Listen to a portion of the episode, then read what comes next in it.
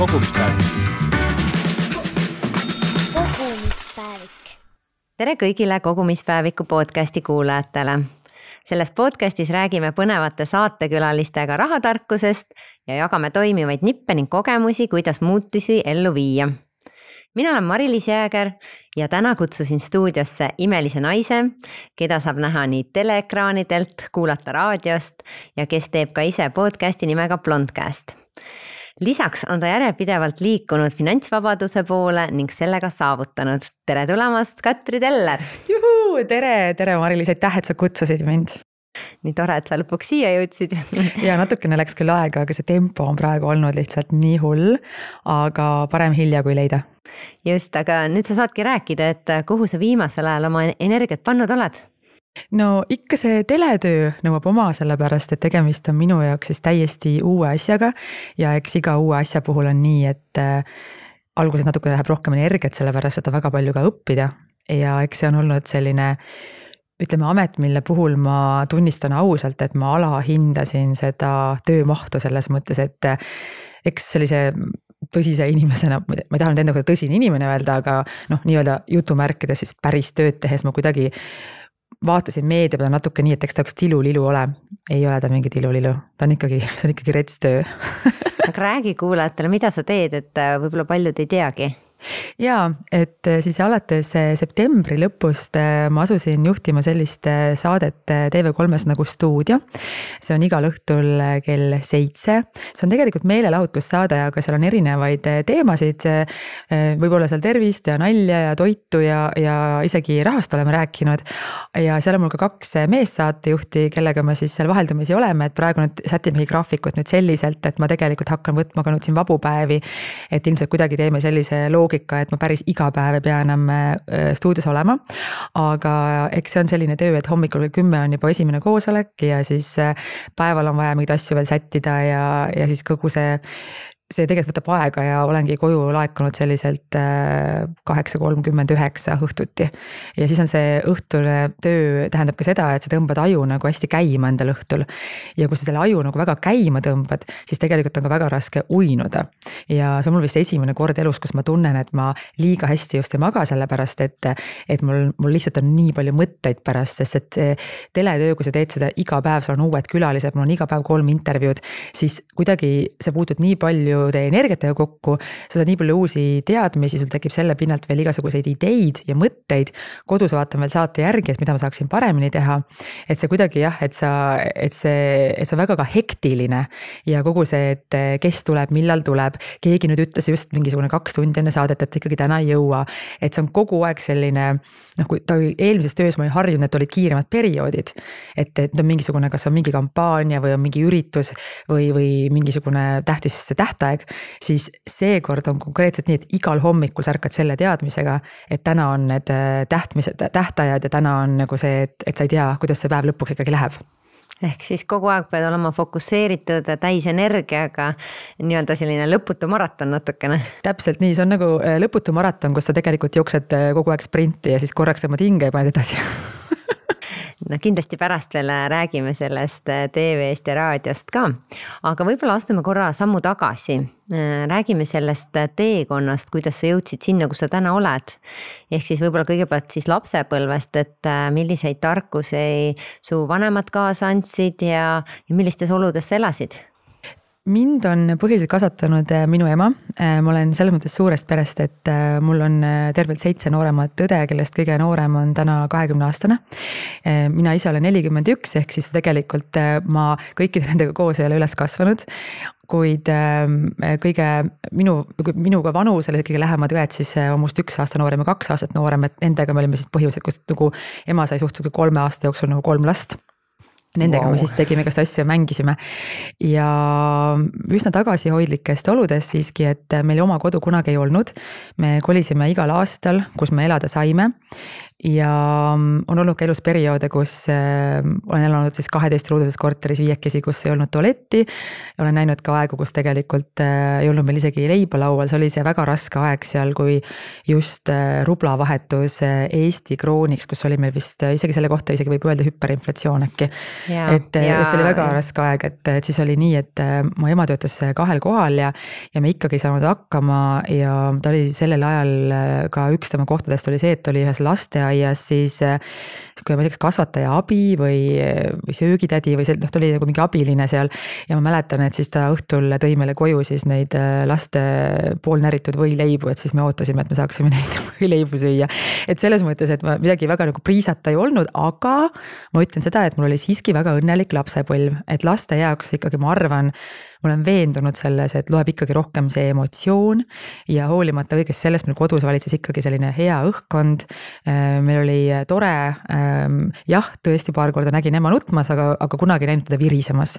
ja tegelikult oli ikkagi meil hästi tore selline mõnus gäng ja kellega me tegime toredaid asju ja tegime palju nalja ja võin selle kohta ikkagi öelda, et mu lapsepõlv oli õnnelik seda on rõõm kuulda, aga mis sa sellest nagu, ma ei tea, kaasa võtsid või just see rahatarkuse mõttes, et kas oli midagi sellist, et vot ma nüüd tahan hoopis teisiti elada või? jaa, täpselt nii, täpselt sa sõnastasid praegu täpselt selle ära.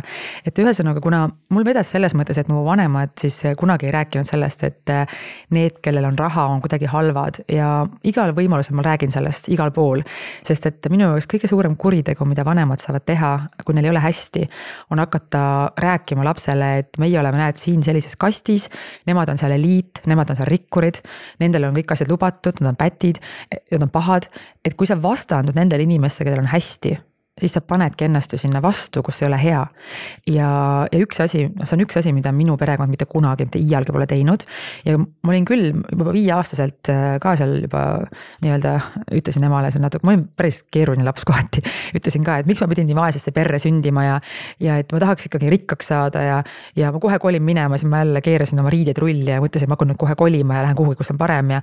ema lihtsalt vaatas mind, ütles, et tead, tütreke, et tõesti, ma tõesti muidugi sa saad rikkaks, tubli, väga hea kohe tead sa, kui täiskasvanuks saad, kohe saad tegutsema hakata ja tuult tiibadesse ja muidugi mine Ameerikasse näitlejaks ja muidugi tee need asjad ära. et ma kunagi ei kuulnud nagu seda, et hulluks oled peast läinud või, aga mul oli kogu aeg see tunne, et, et ma tahan paremini elada ja minu vanemad ei tea rahatarkusest mitte midagi. et selles mõttes äh, pikk vastus sinu küsimusele, et nad ei teadnud mitte midagi, aga samal ajal nad ei tõmmanud seda ka miinusesse, seda poolt, et mul oli platvorm oli hästi nagu neutraalne ja pigem positiivne, et ma olin hakkamist täis ja tegelikult, kui sul sul see juba see emotsionaalselt ja see suhtumine on okei okay,, siis sealt pinnalt juba kasvatada ja õppida ei ole tegelikult nii keeruline. targad vanemad siiski on ju jah, millegagi on ikkagi hakkama olen saanud ja, ja, aga milline oli selline esimene töökoht, kus sa siis äh, läksid neid nii-öelda miljoneid siis teenima? kõik, kõige esimene oli see, et äh, kaheteistaastaselt ma sain sellise suvetöö, et ma sain müüa postkaarte vanalinnas turistidele ja pidin sellise hästi raske metallist harkjala võtma kusagilt lähedalt. näiteks ühe korra oli seal, oli vist Viru tänava alguses vist Hesburger seal lilleputkade ees ja sealt äh, sain kassast selle siis oma harkjala, millega ma pidin kõndima Tammsaare parki, panema need kaardid sinna välja ja siis turistidele neid müüma. ja see oli, noh, ma inglise keelt ei osanud ja kuigi ma tegelikult ei olnud väga häbelik tüdruk, aga kuidagi see tundus minu jaoks hirmutav, sellepärast et ma elasin ikkagi maal või kusagil kaugemal ja kuskil metsas sel ajal. et olla nüüd Tallinna südalinnas müüa postkaarte turistidele oli päris hirmutav. kõige hirmutavam oli seejuures see, et äh, mingid vanemad mehed minu jaoks, noh, ma olin kaksteist, äkki see mees oli kakskümmend viis, kolmkümmend, aga mulle toodi vahepeal mingit lilli ja jäätist ja öeldi, et kaua sul läheb siin täna ja millal sa lõpetad ja mis oli minu jaoks täiesti noh, ma praegu kui ma tagasi ja mõtlen, et mul täitsa nagu ihukarvad tõusevad püsti. ma seda kaua ei teinud, aga minu järgmine töökoht oli, kui ma olin äh, viisteist ja siis ma läksin Soome maasikaid korjama ja see oli rahatarkuse mõttes äh, mulle väga silmi avav, sellepärast et ma sain aru kui palju ma olen võimeline tööd tegema, kui mul on nii-öelda need dollarimärgid silme ees. ehk seal oli selline süsteem, et peale nelja ei tohtinud enam maasikaid korjata, sest siis tuleb auto, viib maasikad ära ja ööseks, kui nad jäävad sinna seisma, nad lähevad ju lossi.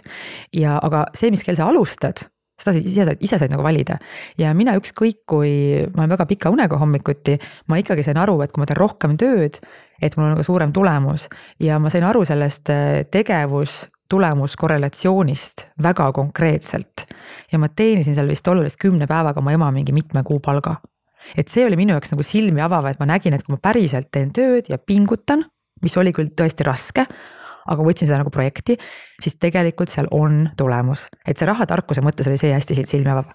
aga mida sa tegid selle rahaga või miks sa sinna läksid, sul kindlasti oli mingi eesmärk silme ees? no kui ma päris aus olen, siis ikka oli eesmärk raha teenida ja väga konkreetsemat midagi ei olnud, aga siis me tulime sealt äh, Soome maapiirkonnast äh, läbi Helsingi Tallinnasse. ja seal Helsingi kesklinnas siis sattus mingisugune Nike'i pood meile sinna tee peale ja ostsin endale siis äh, Nike'i dressid sõbrannaga. mustad dressid ja mis kõige naljakam on see, et mul ema saatis mulle nädal aega tagasi pildi, et need dressid on siiamaani korras. ja ema on seal nendega rohinud, nüüd mu õde on nendega käinud. Need dressid on siis kakskümmend appi appikene kakskümmend kuus aastat vanad dressid ja need siiamaani kuskil käigus. täpselt, et, et kuskil pole ühtegi auku ega mitte midagi, mõnikord mõtlen, ma pean need sealt ära tooma sealt ema juurest maalt ja kuidagi säilitama nagu reliikviana. just, just, et ega see mingi kõige targem ost nad ei olnud, et kui ma nüüd mõtlen tagasi ka selle peale, kui ma noorem olin ja, ja siis mingil hetkel noh, siis ma hakkasin nõusi pesema ühes kohvikus kooli kõrvalt, sest ma hakkasin üksi elama, kui ma olin viisteist. ja, ja kui ma läksin ka tööle üheksateistaastaselt, ega mul sel ajal tegelikult või kaheksateist, kohe kui ma lõpetasin keskkooli siis. ja, ja ega mul sellel ajal tegelikult rahatarkust otseselt ei olnud, et ma teadsin, et ma tahan paremini elada. aga kuna sellest üldse siis ei räägitud väga ja investeerimine oli sõna, mis tundus nagu, et see on selliste noh, vanemate meeste, ärimeeste teema, kellel on hallid juuksed ja õllekõht ja nemad räägivad investeerimisest, ülikond, kindlasti mhm. ülikond mm. -hmm. ja, ja siis äh, ma kuidagi mõt-, panustasin pigem nagu karjäärile, mõtlesin, et okei okay,, et ähm, tahaksin, ma rääkisin tegelikult seda Maria Rannaväli podcast'is ka, et äh, mis on väga naljakas nagu just, et äh, ma tahtsin siis olla turundusassistent, turundusspetsialist, turundusjuht, siis turundusdirektor ja ma lõpuks mõtlesin, et ma tahaks saada Swedbanki turundusdirektoriks. see oli minu see oli minu unistus, et mõtlesin, et mis on suur firma, mis on Eesti kõige suurem firma ja tollal, kui ma olin üheksateist, see tundus, et see on nagu Swedbank, siis mõtlesin, et väga tuus oleks olla ikkagi Swedbanki turundusdirektor. aga siis ma mingil hetkel, kui ma olin vist äh, kakskümmend neli või kakskümmend viis, ma sain aru, et ainult sellise karjääri tegemisega ma ei jõua sinna, kus ma tahan jõuda. ja tegelikult peab selleks tegema ka teisi asju. Ja ma tundsin ka, et ma ei taha oma elu võib-olla selliselt elada, et äh, ma muidugi olen võib-olla liiga mm, raske selles mõttes, et ma, ma ei ole väga hea alluv ilmselt, et ma kuidagi olen natuke liiga, tahan seda vabadust väga palju ja, ja tundsin, et ma pean midagi teistmoodi tegema selleks, et saavutada see vabadus. Ja väga suur osa vabadusest on ka rahalisel vabadusel ja ma saan aru, et Eestimaa jäi ka sinu jaoks väikeseks. Eestimaa jäi väikeseks ja, ja see oli seetõttu, et äh, kui oli meil see eelmine kriis, siis eelmise kriisi ajal ma läksin äh, ülikooli, sest et mul oli sinnamaani keskharidus ja otsustasin siis kriisi kasutada selleks ära, et õppida. ja nüüd ka, kui me praegu siin räägime, et siin ärevad ajad on tulemas ja ongi, see on normaalne, siis äh, tegelikult kõikidel sellistel rahulikumal aegadel, kui ei ole võib-olla väga hästi, on väga hea võimalus tegelikult seda aega kasutada siis õppimiseks. ma lõpetasin ülikooli ära ja siis mõtlesin, et mis järgmiseks, et äh, ma ei tea nagu, ei teadnud ka, mis ma nagu edasi teha tahan, ma töötasin äh, siis äh, jookide maaletooja firmas tootejuhina. Ja kirjutasin ise siis äh, sellisele ettevõttele nagu Campari Grupp, kelle tooteid ma haldasin. et tere, ma tahan teile tööle tulla. ja nad üldse ikka ei tahtnud mind alguses võtta, aga küll ma seal ikkagi pusisin, kuni ma lõpuks pusisin ennast sinna tööintervjuule. mis lõppes sellega, et ma kolisin siis kaks tuhat kolmteist kolisin Milanosse ja hakkasin vastutama Skandinaavia Baltikumi eest siis Campari Grupis, meie kõige suurem toode oli Aperol Spritz või Aperol. ja see on ikkagi tore olnud näha seda suurt lendu, mis sellel tootel on olnud ja see oli väga äge aeg. pärast seda ma kolisin Londonisse, elasin ka Stockholmis ja, ja olen elanud kümme aastat poole kohaga ka Helsingis. aga see on olnud väga tore aeg. ma ei võtnud seda kunagi nagu karjääri tegemist, pigem ma võtsin seda nagu sellist toredat aega, mis mul oli tegemata, kui ma olin noorem, et ma saingi selle välismaal elamise kogemuse kätte siis ka kolmekümnendates kuigi tüüpiliselt minnakse sinna siis äh, peale keskkooli, et, et see on niisugune hea näide, et kunagi ei ole hilja ja, ja see oli väga-väga noh, tõeliselt arendav aeg minu jaoks. aga eks iga asi saab lõpuks otsa ja siis ma otsustasingi, et ma nüüd äh, selle aasta lõpust lähen pensionile nii-öelda või hakkan nautima oma rahalist vabadust aga nagu öeldakse, et jumal naerab, kui inimene plaane teeb. ja ma saan aru, et tegelikult elu võtab hoopis teisi pöördeid, on ju. et aga eks neid pöördeid on su elus päris palju olnud, et, et noh, täna oledki sa edukas, on ju, aga ma saan aru, et mingi hetk oli see, kus sa jäid koolis isegi klassi kordama. just nii. et äh, mõtlen just, et kuidas lapsevanemad tihti muretsevad, et kui lastel on koolis õppimisega raskusi, et mida sina neile ütleks või, või kuidas saavad lapsevanemad toetada sellel hetkel minul endal lapsi ei ole, aga ma olen laps olnud ja sellepärast ma tunnen, et ma julgen küll nõu anda, sest ma olin ka kunagi laps. Ja kui mõtlen, mis minu puhul töötas ja ma ei olnud lihtne laps, et ma kunagi ei joonud ega suitsetanud ega laaberdanud kuskil, aga ma olin keeruline selles mõttes, et ma olin väga isepäine, ma ei jõudnud kooli tihti ja ma olin niisugune nagu kange ja minuga oli tegelikult väga keeruline noh, igas mõttes. Ja kui ma mõtlen, mis nagu päriselt töötas, siis äh, esimene asi on see, et äh, ükskõik, mida ma tegin, mu ema alati toetas mind ja ma sain talle kõige suuremad käkid ära rääkida. ja ta pigem oli selline mõistev, isegi kui ma sain aru, et see on täielik bardakk, mida ma jälle teinud olen, aga ta kuulas mind ära. ja ta mitte kunagi mind ei süüdistanud ega kritiseerinud, mis tähendab seda, et ma rääkisin talle alati kõik ära. ja see oli tema viis mind kaitsta, sest kui ta oleks hakanud mu kallal nagu näägutama ja ütlema, et ei tohi või blablabla, siis tegelikult ma oleks nagunii teinud asjad ära, aga ma poleks talle seda lihtsalt rääkinud ja võib-olla oleks teinud midagi veel rumalamat et ta lihtsalt kuidagi suutis selle ära kannatada ja suutis olla piisavalt diplomaatiline, et ta kuidagi ka sellel raskel puberteedi ajal nagu seda sidet nagu hoidis. ja täna ma tunnen, et me oleme selles mõttes ikkagi parimad sõbrannad temaga. ja, ja teine asi võib-olla on see, et mina arvan, et see ikkagi see, ka see platvorm, mis sulle on antud ja, ja kõik see, me ei määra tegelikult sinu tulevikku ja kõige rohkem täiskasvanu ea saab ikkagi see, et milline inimene sa oled ja, ja kas sa oled, kas sa usud sellesse, et et sinu kätes on nii palju, kas sa võtad vastutuse oma elu eest. ja mina üldse ei muretseks selle pärast, kui kellelgi on koolis halvad hinded või see on ainult üks osa elust. et peaasi on, et sellel inimesel või sellel lapsel on siis see suhtumine õige, et ta saab see, et õige selle suhtumisega, et kui ta pingutab, ta saab hakkama, ta leiab selle oma tee. aga et võib-olla sellist liigset mahasurumist, süüdistamist, et, kui tekib selline kibestumine, et seal sellel inimesel on pärast ju palju raskem edasi liikuda. et mina arvan, et see kool otseselt ei määra väga palju mm. -hmm aga ma mõtlen just, et mis see iseloomu omadus näiteks siis on, mis sind edasi viis või, või mis. noh, üks ongi see, et mhm. sa ütlesid ka jälle, et sa jõudnud väga palju nagu kooli, on ju. et aga ma mis arvan, sa tegid et... või mis see, mis see oli, äh, mis sind tegelikult siis edaspidi edasi on viinud? ma arvan, et osaliselt on see olnud ka see, et äh, mulle on tegelikult just öeldud, et ma ei saa mingi asjaga hakkama ja ma ei taha seda soovitada, et keegi ütleks kellelegi, et ei saa millegagi hakkama, sest ma räägin endale vastu mind see trigerdas nii, et ma veel näitan teile mm. -hmm. Te veel näete mind? Te veel näete, aga samal ajal ma kujutan ette, et ma oleks olnud teise iseloomuga, siis see oleks mhm. mõjunud mulle täiesti halvavalt. jah, et ma ei et saagi hakkama täpselt, ja ma ei hakkagi jah, proovima, on ju. täpselt, sest ma, ma tean ka inimesi, kes on minu vanused ja kellel on nii kõvad taaksed lapsepõlvest, kus neil on sisendatud, et nad ei saa hakkama, et nad kuidagi ei usugi sellesse ja nad alles nagu peale see psühhiaatrite ja psühholoogide vahet saalimist lõpuks on saanud aru, et tegelikult nad saavad hakkama. et e, minu puhul see on olnud see trigger, kus ma tunnen, et, ähm, et, et minuga on oldud näiteks ebaõiglane et näiteks keegi on mulle öelnud väga halvasti, et ma olen näiteks äh, kooli ajal, kui mulle öeldi, et ma olen rumal või, või et minust ei saa mitte kunagi asja, et see on see, mis mind on nagu trigerdanud. aga ma arvan, et see on ikkagi midagi, mida ma ei oska seletada, et see mingisugune sisemine nälg või põlemine, et ma ei oska seda seletada, sellepärast et tõesti, et minu ema ja minu sugulased ja minu õed on väga sellised malbed ja rahulikud inimesed, et ma ei tea, kust mul selline äks on sisse tulnud, et et see on lihtsalt midagi, millega sa natukene ka sündinud ilmselt ja ma usun ka kindlasti noh, nähes oma lapsi samamoodi, et üks on ühtemoodi ja teine on täiesti teistmoodi. ja mulle tundubki, et sul on selline, et ma tahan teha, ma tahan hakkama saada, see optimism ka. et noh, seal peab olema mingisugune hea lahendus ikkagi on ju. ja vot nagu sa ütlesidki enda laste kohta, et, et võib-olla lapsed on erinevad, aga samal ajal ma usun seda, et me, see, et sa ei muuda seda sünniga saadud iseloomu, aga sa saad kindlasti natukene aidata ju keskkonnaga kaasa või suunata, suunata. just, just, seda infot lihtsalt anda aga mis need põhilised etapid on, mis sind äh, täna on siia toonud, just et sellised õppetunnid või, või, või kus sa mõtlesid, et nii, nüüd ma hakkan, äh, ma ei tea, raha kõrvale panema või, või kuidagi hästi teadlikke samme tegema finantsvabaduse poole? no esimesena ma alustasin äh, kaks tuhat viis, kuus juba kak-, sellepärast, kaks tuhat kuus aastal tegelikult, et kus ma mõtlesin, et ma tahaksin hakata tegelema investeerimisega, aga see oli kõik nii lapsekingades, et ainus koht, kus seda infot siis tollal minu minu meelest sai, oligi, et see vist oli mingi LHV Foorum, kus oli see mingi foorum, aga seal ma tundsin ka ennast nagu mitte kõige targemana, seal olid ka, enamus olid meesterahvad ja rääkisid vahepeal keeruliste terminitega ja ma väga sealt midagi aru ei saanud.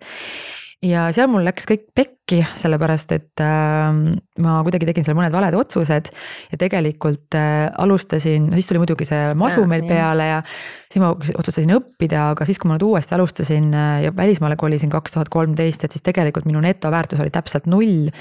Mul oli üks korter ostetud kodulaenuga ja selle korteri väärtus oli veel väiksem kui see laen isegi vahepeal, sest et vaata ju hinnad kukkusid, on ju aga, aga siis ma, mu see, mu see teadmine oli alati olemas, et ma tahan seda teha, edasi pusida.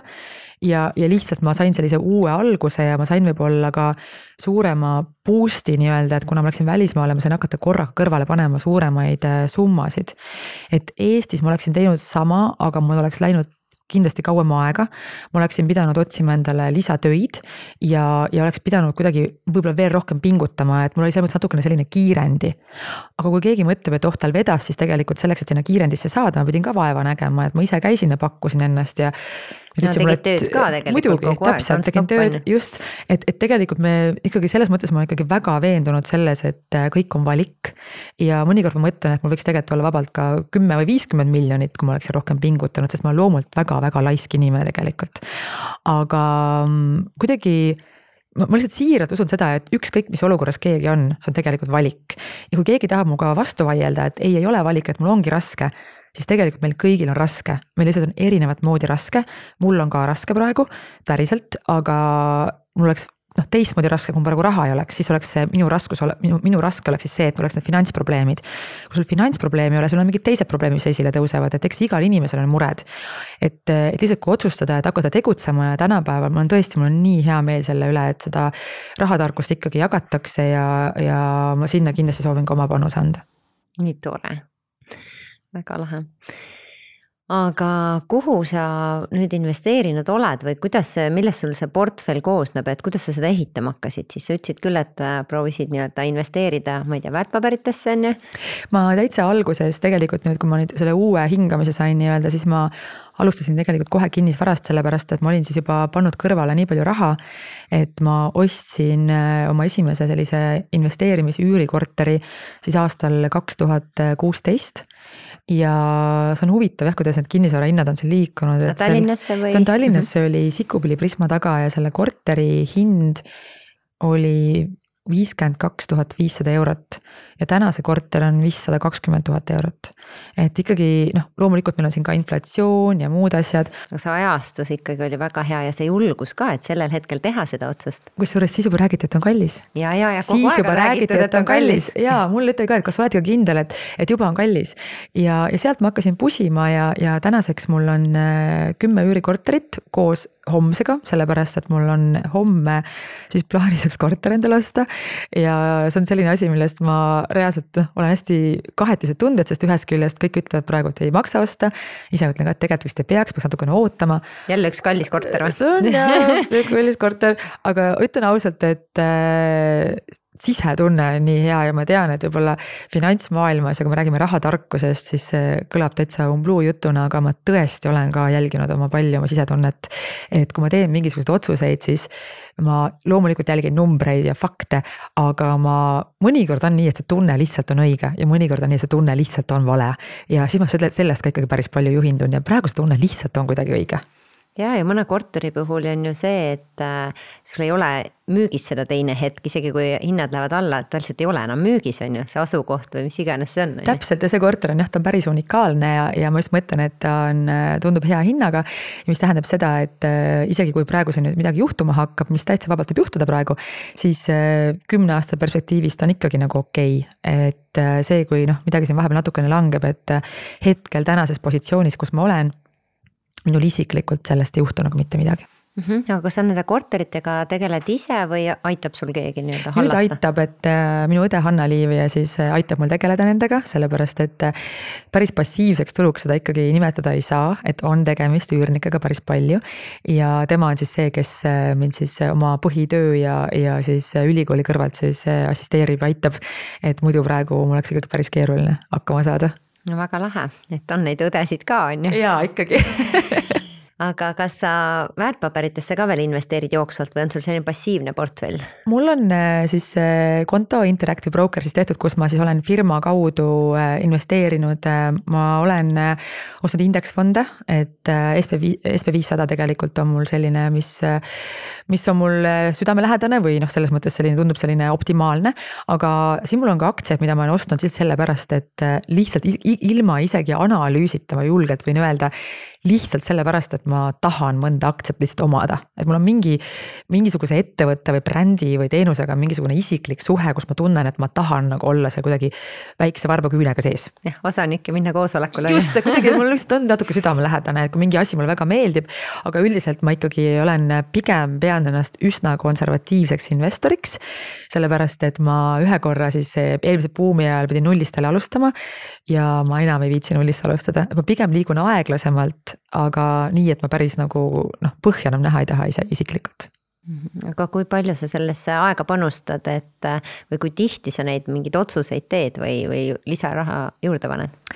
no tegelikult see läheb kuidagi mul hooti, et äh, ma ei ole väga noh, mulle meeldib teha plaane ja strateegiaid, aga ma saaksin olla väga palju parem äh, ka tegutsemises ja sellises, äh, olla rohkem nagu struktureeritud nii-öelda, et ma, mul on ikkagi väga tihti nii, et tuleb selline tunne peale ja siis ma olen kaks nädalat täiesti niimoodi otsin, et tahaks midagi kuhugi paigutada midagi või mingeid muudatusi teha. ja siis mul on paar kuud, kus ma nii-öelda kätel istun äh, kohe täitsa sellepärast, et mul lihtsalt on kiire näiteks ja mõnikord see on väga kasu, kasulik olnud, sellepärast et ma olen tähele pannud ka, et kui ma kogu aeg praegu tegutseksin, kui mul ei oleks väga korralikku strateegiat, siis sellega võib ka palju kahju teha. et öeldakse, tark ei torma, et mul praegu niimoodi rahulikult lähen ja, ja praegu ongi selline hetk, et äh, nüüd, kui ma selle järgmise korteri ostan, et peale seda ma arvan, et ma võtangi sellise hästi rahuliku pausi ja vaatan siis äkki võib-olla kevadel edasi, mis ma teen, et ma hetkel nüüd olen nüüd äh, mõtlen, mõelnud, et praegu on nii huvitavad ajad, et tasub nagu õppida ja silmad lahti hoida ja võib-olla siis leida mõni selline huvitav võimalus või uus strateegia või uus suund, kuhu minna, et ei maksa võib-olla alati tormata, et mõnikord on hea ka nagu korraks asjadele kõrvalt vaadata ja, aga kas sa ka krüptosse ka oled sisse hüpanud? krüptoga on selline lugu, et äh, krüpto siis äh, minu jaoks ei ole nagu võib-olla ma ei tea, ta ei ole nagu päriselt selles mõttes investeering, et ta on investeering, aga ta on väga-väga volatiivne. minu jaoks ta on natuke selline loterii, just, et, et mul ei ole olnud krüptot ja ma olen tahtnud omada seda natuke mänguilu mõttes seda krüptot ja sellest aru saada. aga tunnistan täiesti ausalt, et ma lihtsalt ei saa ise veel krüptost eriti aru. et ma ei ole selles piisavalt pädev ja ma tahan selle kohta rohkem õppida ja sellest aru saada, et seda ma kindlasti mingil hetkel teen.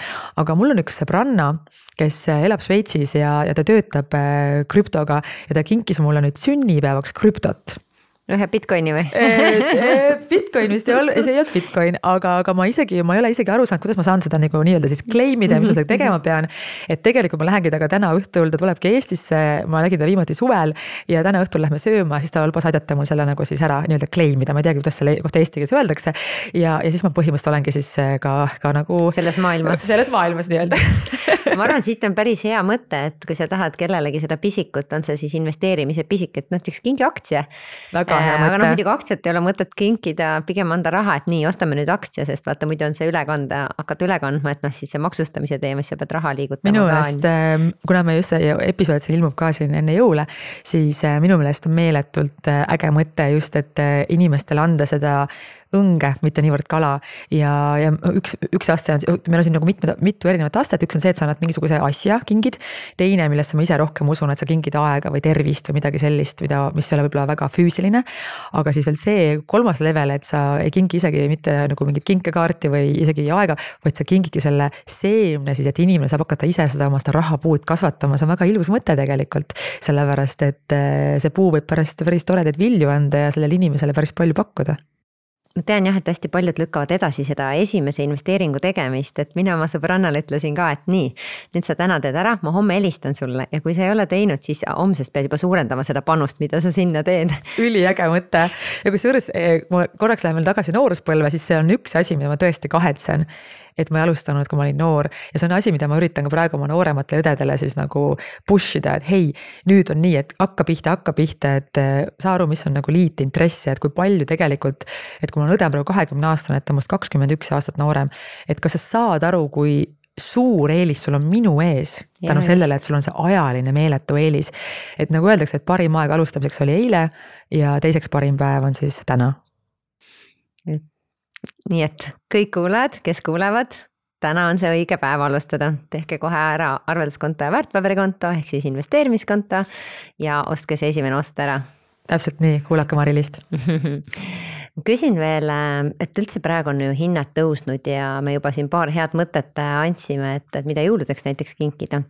aga mida sa soovitad nendele inimestele, kellel ongi täna rahaliselt väga raske, et üks asi ja sa juba mõttena käisid välja, et see on nii-öelda su enda otsus, on ju.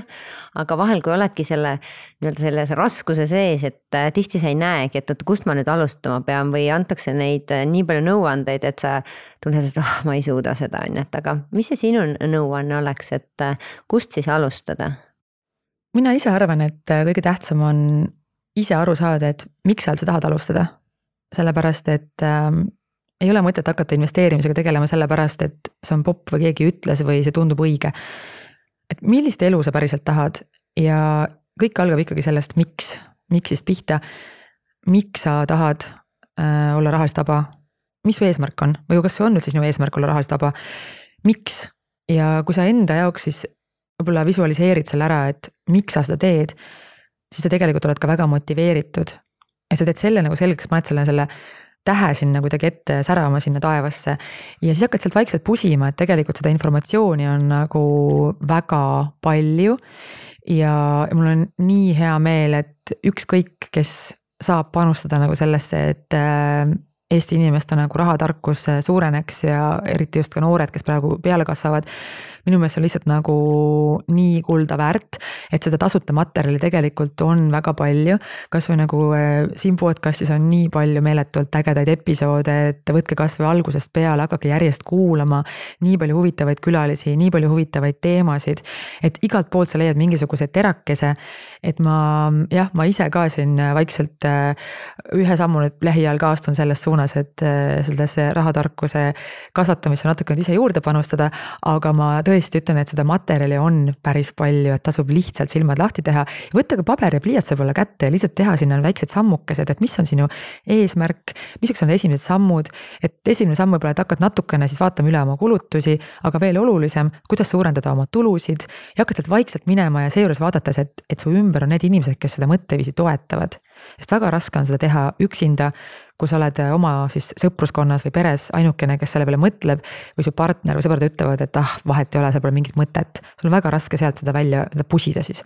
et äh, ma vaataks üle jah, selle ka selle keskkonna tegelikult ja kõik need sotsiaalmeediakanalid ju ka on ju, et, et keda, keda sa jälgid ja mis see info sulle siin ette viskab, et äh, päris põnev, et isegi Tiktokis on ju tegelikult saad ju valida. ja sellepärast, et kõik see info, meil on meeletut infot praegu, et äh, oleme ikkagi valivad, et äh, millisel infol me laseme ennast mõjutada. sellepärast, et kõik inimesed, kõik see info tegelikult mõjutab seda, et kelleks me tegelikult saame ja sinu elus on ju ka olnud väga keerulised etapid, et kui olid keerulisest suhtest ja suhtes ja püüdsid sealt nii-öelda välja tulla. et ma mõtlen ka naisena on äh, väga keeruline, kui, kui sa oled ka nii-öelda rahalisest väga sõltuv. et sul ongi neid valikuid nagu vähem ja, ja sa tõenäoliselt ei jälgi võib-olla oma sellist südameteed. täpselt ja, ja see on mulle ka väga südamelähedane teema, sellepärast et mul oleks väga raske, väga palju raskem olnud lahkuda sellest suhtest, kui ma oleksin olnud rahaliselt sõltuv. ja ma väga loodan, et naised, kellel on võimalus siis olla suhtes, kus on siis tõesti väga hästi kõik rahaliselt. et nad siiski alati oma tagalad kindlustaksid, et kui, kui midagi peaks juhtuma, et nad ikkagi saavad otsustada ainult sellelt pinnalt, mis on neile õige. mitte sellelt pinnalt, et, äh, et mis on nende valikud ja mõnikord valikud ongi nagu väga vähe alati on võimalus ikkagi oma elu korda saada, aga see on lihtsalt väga palju raskem, kui sa oled ka rahaliselt seotud. ja kui me räägime nüüd väga rasketest suhetest, näiteks nagu füüsiline vägivald või vaimne vägivald, siis on sealjuures ka selline asi nagu materiaalne vägivald, mis on täiesti omaette teema, kuidas siis ka võib hakata partner sind kuidagi siis nii-öelda kiristama nende majanduslike teemadega, et kontrollima igat senti, kuhu sa midagi kulutad, mida sa teed. ja see tegelikult on ka ikkagi noh see on, ma kujutan ette, et see on nagu rets, mina ise seda kogenud ei ole. aga see on üks väga hea põhjus tegelikult äh, ka, et miks sellistele asjadele tasub mõelda. ja kui näiteks sinu partner sind ei toeta selles, et sa tahad ka rahaliselt vabaks saada või hakkab vastu sellele töötama, sest see on ikkagi väga suur punane lipp mõtlengi, et kuidas seda ära tunda, et tihti me elame kuidagi igapäevases elus ja mõtleme, et noh, nii ongi, et mees toob, ma ei tea, käib tööl ja mina olen lastega kodus ja, ja see ongi nagu tema raha, on ju. tead, see on väga okei okay., minu meelest noh, iga pere on ikkagi tiim ja see on minu jaoks täiesti okei okay,, kui mees käib tööl ja naine lastega kodus või pole isegi lapsi, on lihtsalt niisama kodus. iga pere otsustab ise, mis on neile õige. ei ole nii, et naised peavad samamoodi rabama nagu mehed või ma arvan, et iga pere otsustab ise, mis nad teevad ja see ei ole, noh, tegelikult see ei ole nagu kellegi asi. aga just see, et see siis naine või ka mees, sest et tegelikult võib olla ka vastupidine olukord, et see inimene siis saaks lihtsalt aru, et kui midagi juhtub, et tema tagala on kindlustatud selles mõttes, et, et kas tal on ikkagi mingid investeeringud, kas tal on mingi oskus. et vähemalt siis õpi midagi juurde või et, et sa oskad, et midagi teha, et, et sa ei oleks nagu sellises sundolukorras. et lihtsalt, et sul oleks alati see tunne, ükskõik millises suhtes sa elus oled, see on sinu valik seal suhtes olla, mitte see, et sul ei ole teisi võimalusi. jah, et sa oled sunnitud seal olema, on ju. ja see on päris jube, sest kui ma mõtlen selle peale, et meil on ainult üks elu ja kui sa pead oma elu elama nii, et sa tegelikult oled sunnitud olema olukorras, kus sa seda olla ei soovi, see on tegelikult ikkagi väga kurb väga,, väga-väga kurb ja me ei saa seda elu mitte kunagi tagasi.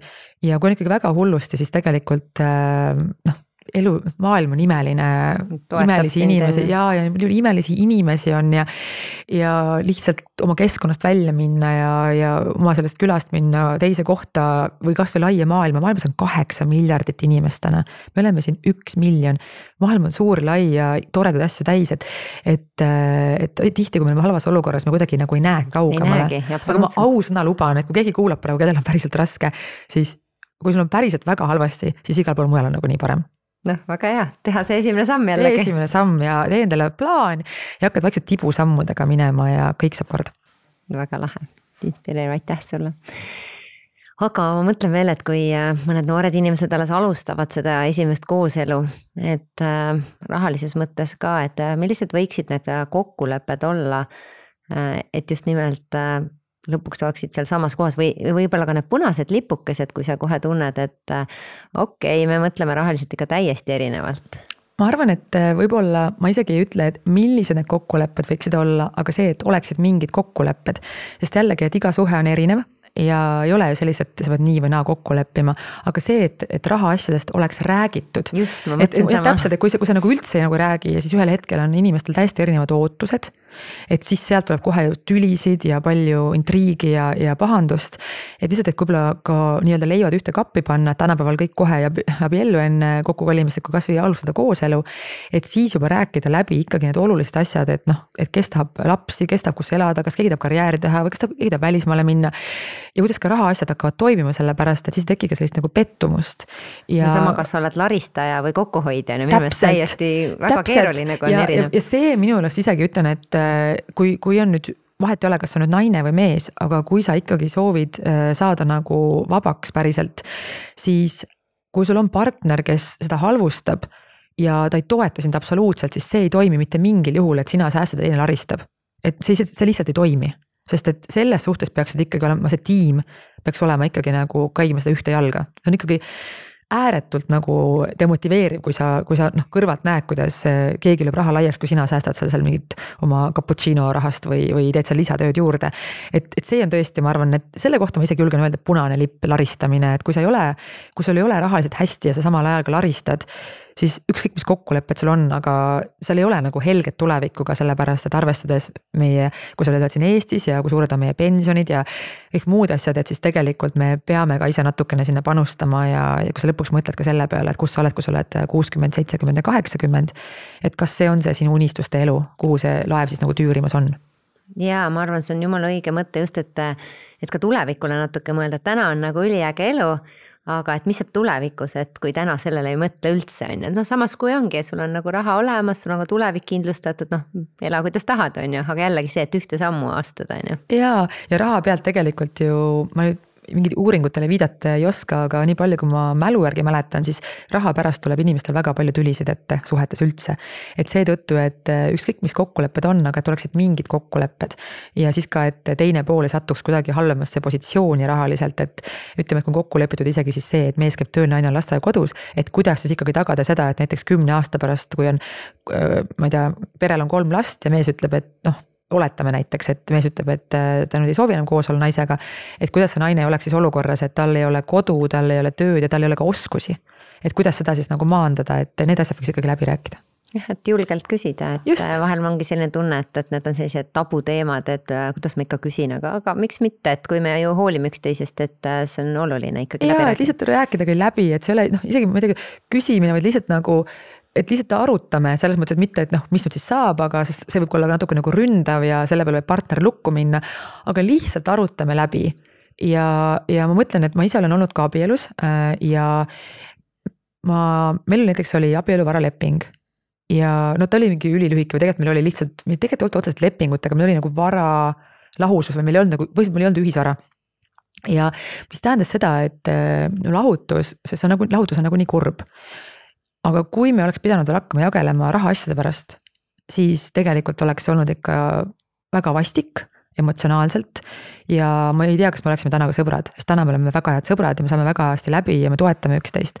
aga et need asjad on paigas ja, ja alguses jah, kui sa abiellud, sa ei taha ju rääkida sellest, et mis siis saab, kui lahku minnakse, keegi ei taha sellest rääkida, sa ei, sa ju ei abielluks, kui sa teaksid, sa lahku lähed.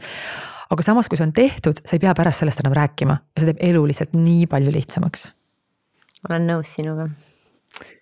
Nii, aga läheme nüüd äh, tv ja raadio ja kõige selle juurde, et kindlasti paljud äh, tele, televaatajad, kuulajad äh, soovivad ka teada saada võib-olla natuke telgitagustest ja, ja et äh, kuidas sulle kogu see melu ja see värk seal kõik sulle meeldib mulle väga meeldib, ma tunnen, et ma olen nüüd lõpuks neljakümnendates hakanud tegema midagi, mis mulle tõeliselt sobib.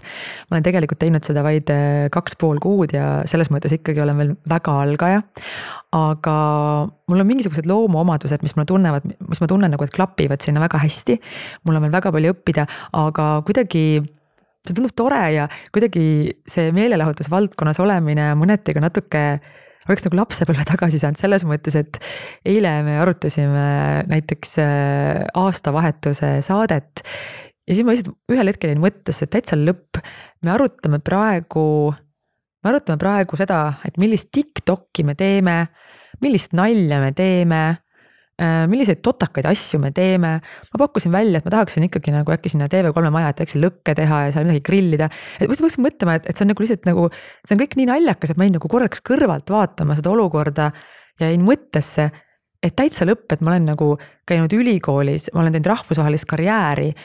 ja nüüd ma räägin nagu sellest mingisugust Tiktokist ja, ja mingitest naljakatest asjadest ja, ja, ja lihtsalt, et, et see on ühest küljest, aga, aga see on ka tegelikult päriselt töö aga see on tegelikult ju väga vahva, tõesti vahva see vahva vaata selline lapsemeelsus või kuidas ma ütlen, et kogu aeg see mängulisus oleks äh, selles elus olemas, et äh, muidu ongi kuidagi väga tõsine ja ma teen tähtsat tööd, on ju.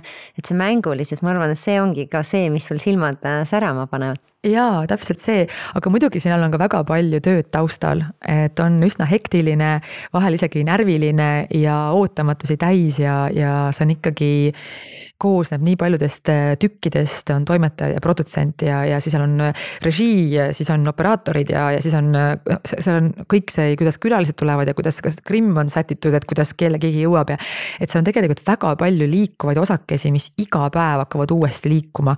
et, et mõtlesin lihtsalt nagu närvisüsteemi mõttes ikkagi ma tunnen, et ma alguses läksin sinna kuidagi liiga sisse ja, ja kuidagi olekski vist kirkalt läbi põlenud. aga siis ma viimasel ajal nüüd tõmbasin väikse sammu tagasi ja, ja proovisin niimoodi, et ma ei, et ma ei pea nagu kõiges nagu sees olema, et ma proovin teha oma tööd hästi, mis on siis saate juhtimine. ja vaikselt ka nagu siis tõesti, et kui mul tuleb mõni hea idee, võib-olla keda võiks kutsuda, aga see on ikkagi väga suur meeskonnamäng. ja mina olen seal ainult üks väga pisikene tükikene, et see on täielikult meeskonnamäng ja kuna mina ei ole olnud elus väga suur meeskonnamängija ähm, oma tegemiste tõttu, siis see on minu jaoks ka üks selline väljakutse, mida ma pean elus äh, õppima. ja raske poole pealt on võib-olla see, et saatejuhina mina, see ei ole minu autorisaade ja seal käib külalisi, keda ma meeletult hindan äh,. kellega on väga lõbus, kes on väga targad näiteks ja on muud omadused, kes mulle personaalselt väga meeldivad ja kõnetavad. aga seal on loomulikult ka ju külalisi võib-olla, kellega ma ütleme, isiklikus elus võib-olla väga ei suhestu ja võib-olla mõnikord isegi meie väärtused ei äh, klapi. ja siis ma olen küll mõnikord tundnud seda tunnet, et äh,, et ma olen saatejuht, aga ma olen olukorras, kus ma tegelikult mõnikord pean tegema ka neid asju, mis ei ole alati sada protsenti kooskõlas selle minuga, kes mina olen, et see ei ole blondkast. see, see ei ole nagu minu mingi, minu show. ma olen seal äh, saatejuht, ma olen lihtsalt üks väike tükk ühes suures süsteemis ja aga, aga enamasti see on tõesti ikkagi nagu meeletult lahe ja, ja seal selles situatsioonis olles sa kindlasti mõtled, noh, kuidas sellest nüüd nii-öelda hästi välja tulla, see ongi see õppimise koht, ma arvan. ja just see, et, et kui ise tunnen, et tuleb niisugune peale sihuke tunne, et ah, miks see inimene tuleb või oh,. siis ma kuidagi ikkagi proovin ennast kokku võtta ja nagu ütles meie produtsent ka, et Katri, kui sa oled hea saatejuht sa teed kasvõi vihmaussiga intervjuu. siis ma mõtlesin, okei okay,, ma annan endast oma parima, aga siis ongi, et ma olen täheldanud küll seda, et, et kui ma ise olen väga teaduse usku inimene. Ma, ma usun nagu mul ei, tänapäeval kõik tahavad kedagi õpetada ja ma olen mingis mõttes natukene hell või isegi natukene kriitiline kohati inimeste suhtes, kes väga tahavad teisi ravida ja õpetada ilma selleta, et neil oleks siis äh, nagu see credibility või neil oleks see haridus. ja, ja seal on küll koht, kus ma tunnen, et ma võib-olla kipun natukene teravamaid küsimusi küsima, võib-olla seetõttu, et ma tunnen ka vastutust äh, televaataja ees, et äh, millist informatsiooni tema nagu siis saab et kui inimene, kellel ei ole meditsiinilist haridust, hakkab rääkima näiteks, kuidas äh, toimivad siin meie lihastes mingisugused emotsioonid. et, et ma lihtsalt, ma ei saa midagi teha sinna, aga ma, ma pean sinna juurde ütlema, et, äh, et ka nagu vaimsete häirete puhul palun konsulteerige psühhiaatriga ja nii edasi. et inimesed ei unustaks nagu seda ära, et, et me toome sinna saatesse erinevaid inimesi, mis on väga-väga äge ja väga palju silmaringi avav.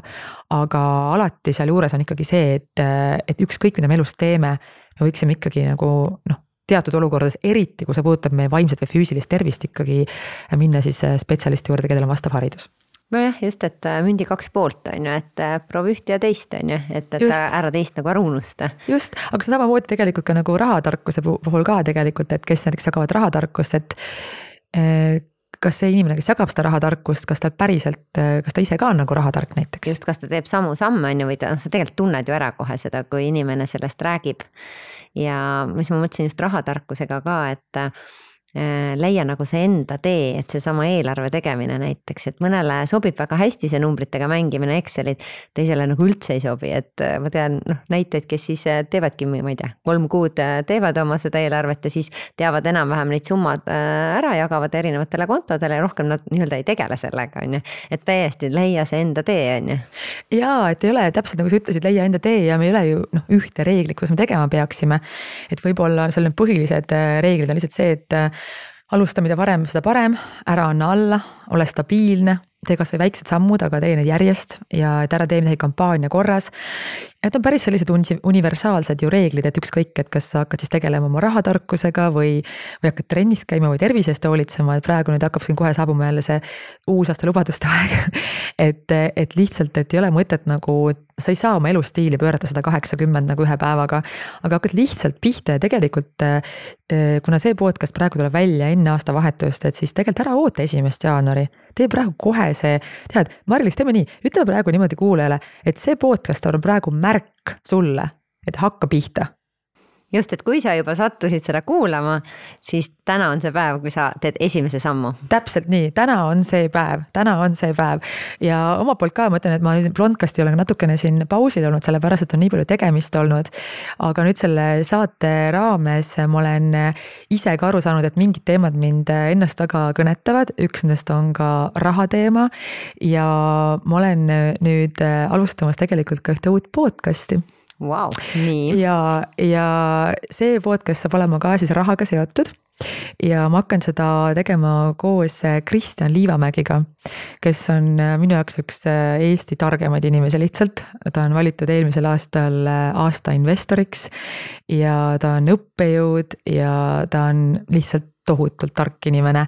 ja meie podcast'i nimeks saab siis äh, Rahareede ja me kindlasti arutame seal ka teistel teemadel, aga just ka see, et anda see enda panus sinna, et ükskõik, et kel, kes, kellel vähegi on nagu teadmisi, ma arvan, et tegelikult võiks seda jagada.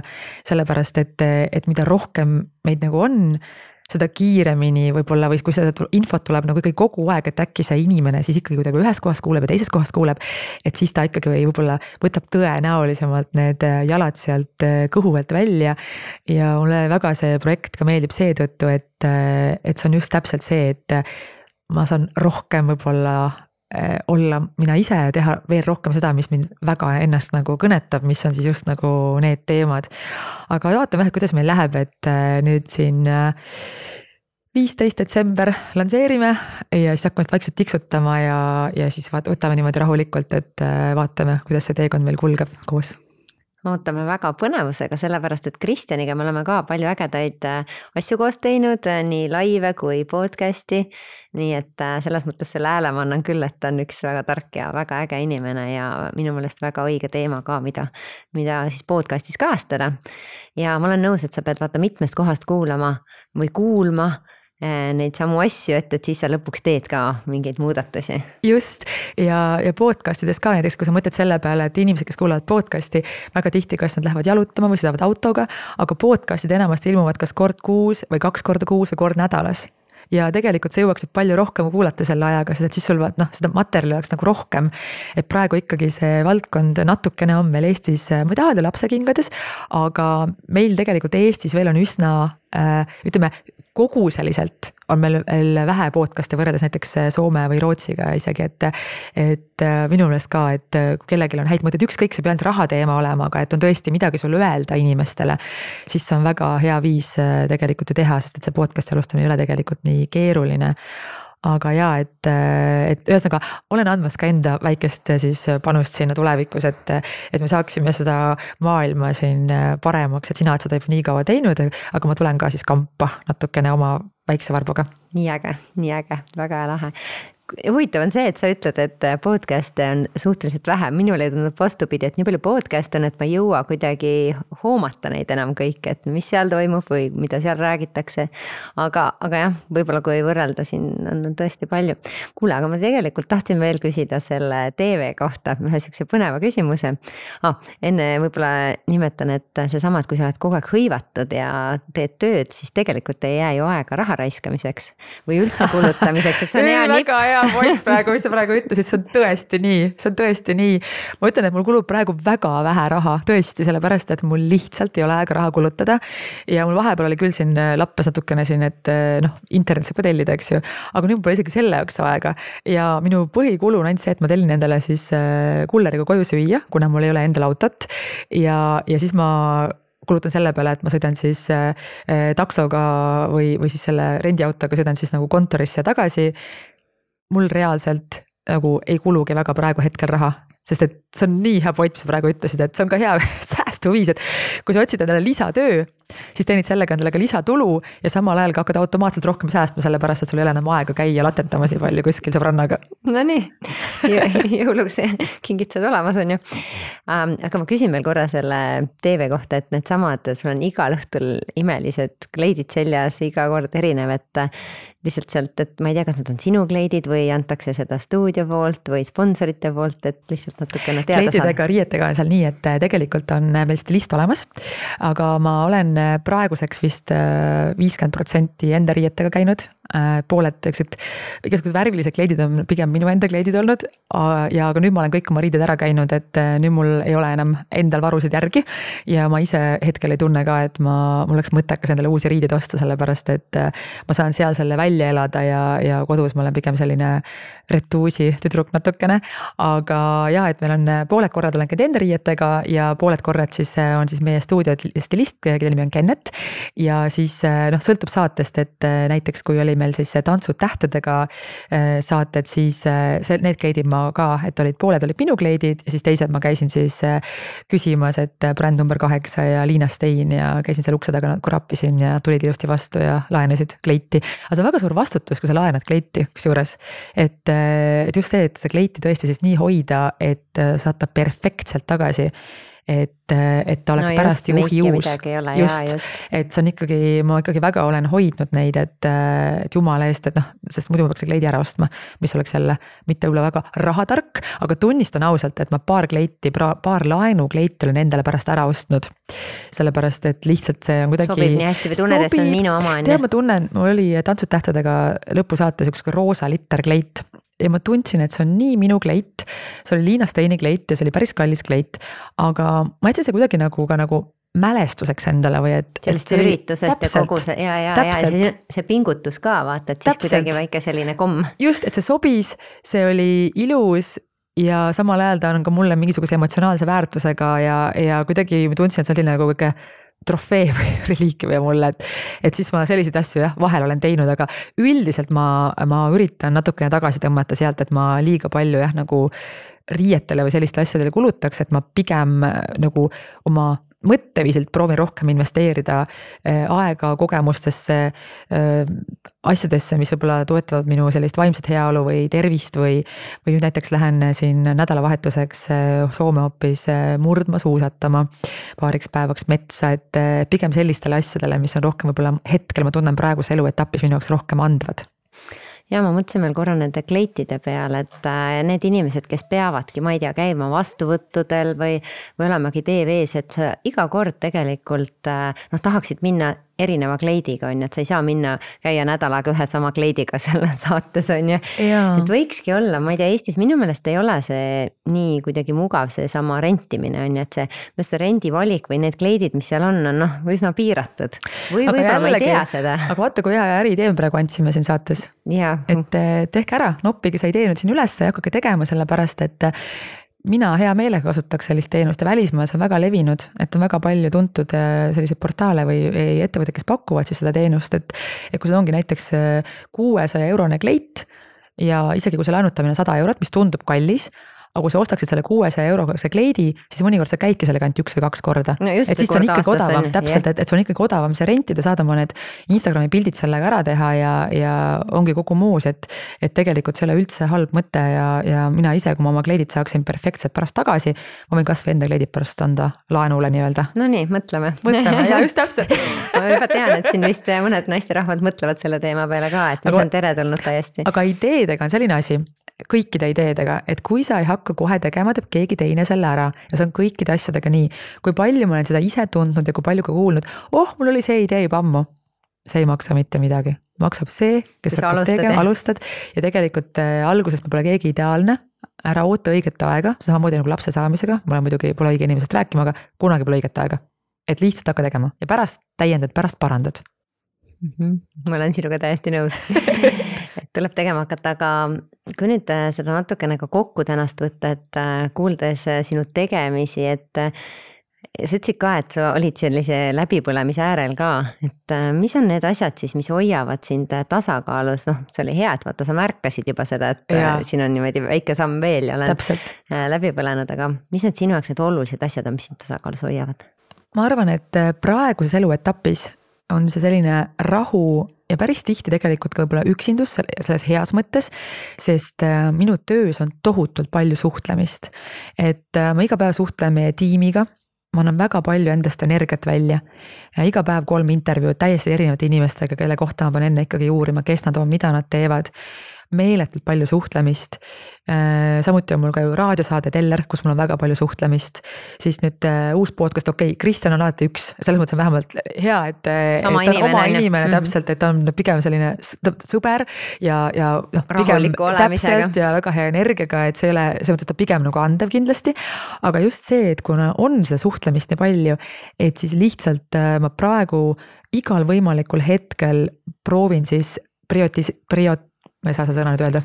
prioritiseerida. Prioritis-, prioritiseerida, saate aru, ma ei oska sõna öelda. väga ilusti tuli ühesõnaga, et uni ja selline rahu ja oma aeg oleks esikohal ja siis kõik see teine läheb järgmiseks ja, ja mul on tekkinud ka paar sihukest natuke tobedat situatsiooni mõne inimesega, kes ei saa aru, et miks mul ei ole aega temaga kokku saada. tahtsin küsida, et äh, kindlasti mõned sõbrannad, kellel ja. on see, et kui sul on nii aktiivne periood, et sa lihtsalt ei jõua, on ju. aga see on lihtsalt, ma ütlen tõesti, ma lihtsalt füüsiliselt ei jõua. ja mul on väga armsad sõbrannasid, kes sellest väga hästi aru saavad ja ma olen nende jaoks alati olemas, kui midagi juhtub. aga lihtsalt ma füüsiliselt ei jõua ja, ja kui mul on valida, et kas ma lähen kuhugi aiapeole või kuhugi suhtlema või restorani jooma või teine variant on ma saan kodus ennast rahulikult maandada ja magama minna varem. et siis praeguse eluetapis see on mul lihtsalt hädavajalik selleks, et hoida ennast koos. sest kõige hullem, mis jääb juhtuda, on see, et me põletamegi ennast läbi ja mul oli see, et ma õnneks märkasin, kuhu ma teel olen ja ma sain nii-öelda tõmbasin pidurit. peale. täpselt pidur peale ja nüüd ma olen teel täiesti sihukesesse mõnusasse kohta, et äh, järjest iga päev praegu läheb järjest nagu toredamaks. aga lihtsalt, et äh, seda peab märkama ja ka tegelikult ikkagi panema ennast esikohale, sellepärast nagu öeldakse, et see hapnikumaski lugu ei ole see vana hea, et endale tuleb see esimesena pähe panna. et lihtsalt teistmoodi me ei jõua ka teisi aidata ükskõik milles, isegi tegelikult rahaliselt, et, et kui sul on see vabadus, sa oled ka pärast palju parem toetamaks teisi, kellel on mingisugune häda. et see ei ole, mis, mis nagu kuskilt otsast minu arvates nagu egoistlik, et sa ennast esikohale paned, et ma arvan, et see on nagu hädavajalik ma olen nõus sinuga ja siit mul tekkiski mõte, et äh, kui me ka kõrvalt näeme teist inimest, kes tõesti nii-öelda ähm, põletab ennast või noh, kasvõi särab, on ju, aga see võtab ju samamoodi energiat, need positiivsed asjad ka on ju. et siis natuke nügida, et äh, kuule, et kas äkki tõmbad tagasi või, või et mulle tundub nii, on ju, et jällegi võib-olla seal sees olles sa ei märka seda, et sa suure leegiga nii-öelda põled, on ju. jaa, täpselt nii, täpselt nii on aga kas sa tahad midagi lõpetuseks äh, veel öelda, mis ei ole kuidagi täna meil läbi käinud, et on väga palju erinevaid teemasid olnud ja mulle tundub ka tarkuseteri ja minu meelest väga põnevaid mõtteid sinu poolt. ma mõtlen seda, et äh, arvestades seda, et äh, me ikkagi räägime siin äh, ka päris palju rahatarkusest siin podcast'is ju sina räägid ja su külalised ikkagi on ikkagi suuremal või vähemal määral sellega seotud. et siis kogu see teema et kui sa seda podcast'i praegu kuulad, siis sa ilmselt oled juba selles seltskonnas, keda need teemad huvitavad aga võib-olla on sinu ümber inimesi võib-olla, kes äh, vajaks natuke sellist väikest põksu ja võib-olla ka kaasata või levitada edasi nagu neid sõnumeid selles mõttes, et et neid äh, podcast'e, mida tasub kuulata, raamatuid, mida tasub lugeda, häid mõtteterasid. ja kui me saame kokku oma sõprade või sõbrannadega, et võib-olla tehagi selline mõnus inspiratsiooniõhtu, kus äh, me räägimegi, näiteks arutame oma ideid. et arutamegi üksteise äriideid või mida koos teha või mõtleme mingi asja välja selle asemel, et minna niisama ja, ja rääkida näiteks teistest inimestest, et võib-olla mõelda läbi oma keskkond ja mõelda läbi, et kui me, see meie sotsiaalelu, et kas see sotsiaalelu on meid ka nagu inspireeriv. kas see kannab meid edasi nagu sinna, kuhu me tegelikult jõuda tahame? täpselt nii ja mõnikord ei ole vaja selleks vahetada inimesi, mõnikord on vaja selleks vahetada teemat lihtsalt et kui see ei ole võimalik, siis saab ka vahetada inimesi ja, ja keskkonda. aga lihtsalt, et natukene võib-olla seda, kui siin aasta lõpp on ilusti käes, et aasta lõpp on selline mõnus aeg igasuguste kokkuvõtete tegemiseks, et võib-olla aru saada, et millised asjad oma elus praegu lõpetada, milliseid asju parandada ja milliseid uusi asju siis alustada. ja kui sa alustad, siis nagu me enne juba kokku leppisime, siis see podcast on praegu sinu märk, et alusta kohe nii imelised äh, mõtted ja ideed, et ma jään sõnatuks lausa ma arvan, et see on väga hea koht, kus äh, lõpetada ja ma tänan väga sind, Katri, et sa tulid siia, et sa oma mõtteid jagasid, et sa aega panustasid sellel kiirel hetkel. aitäh, siin on nii, sul on nii hea energia, siin oli väga tore olla sinuga vestelda, aitäh sulle, Mari-Liis ja aitäh sulle ja, ja kõigile kuulajatele ka aitäh, et olete meid kuulanud ja aasta hakkab otsa saama.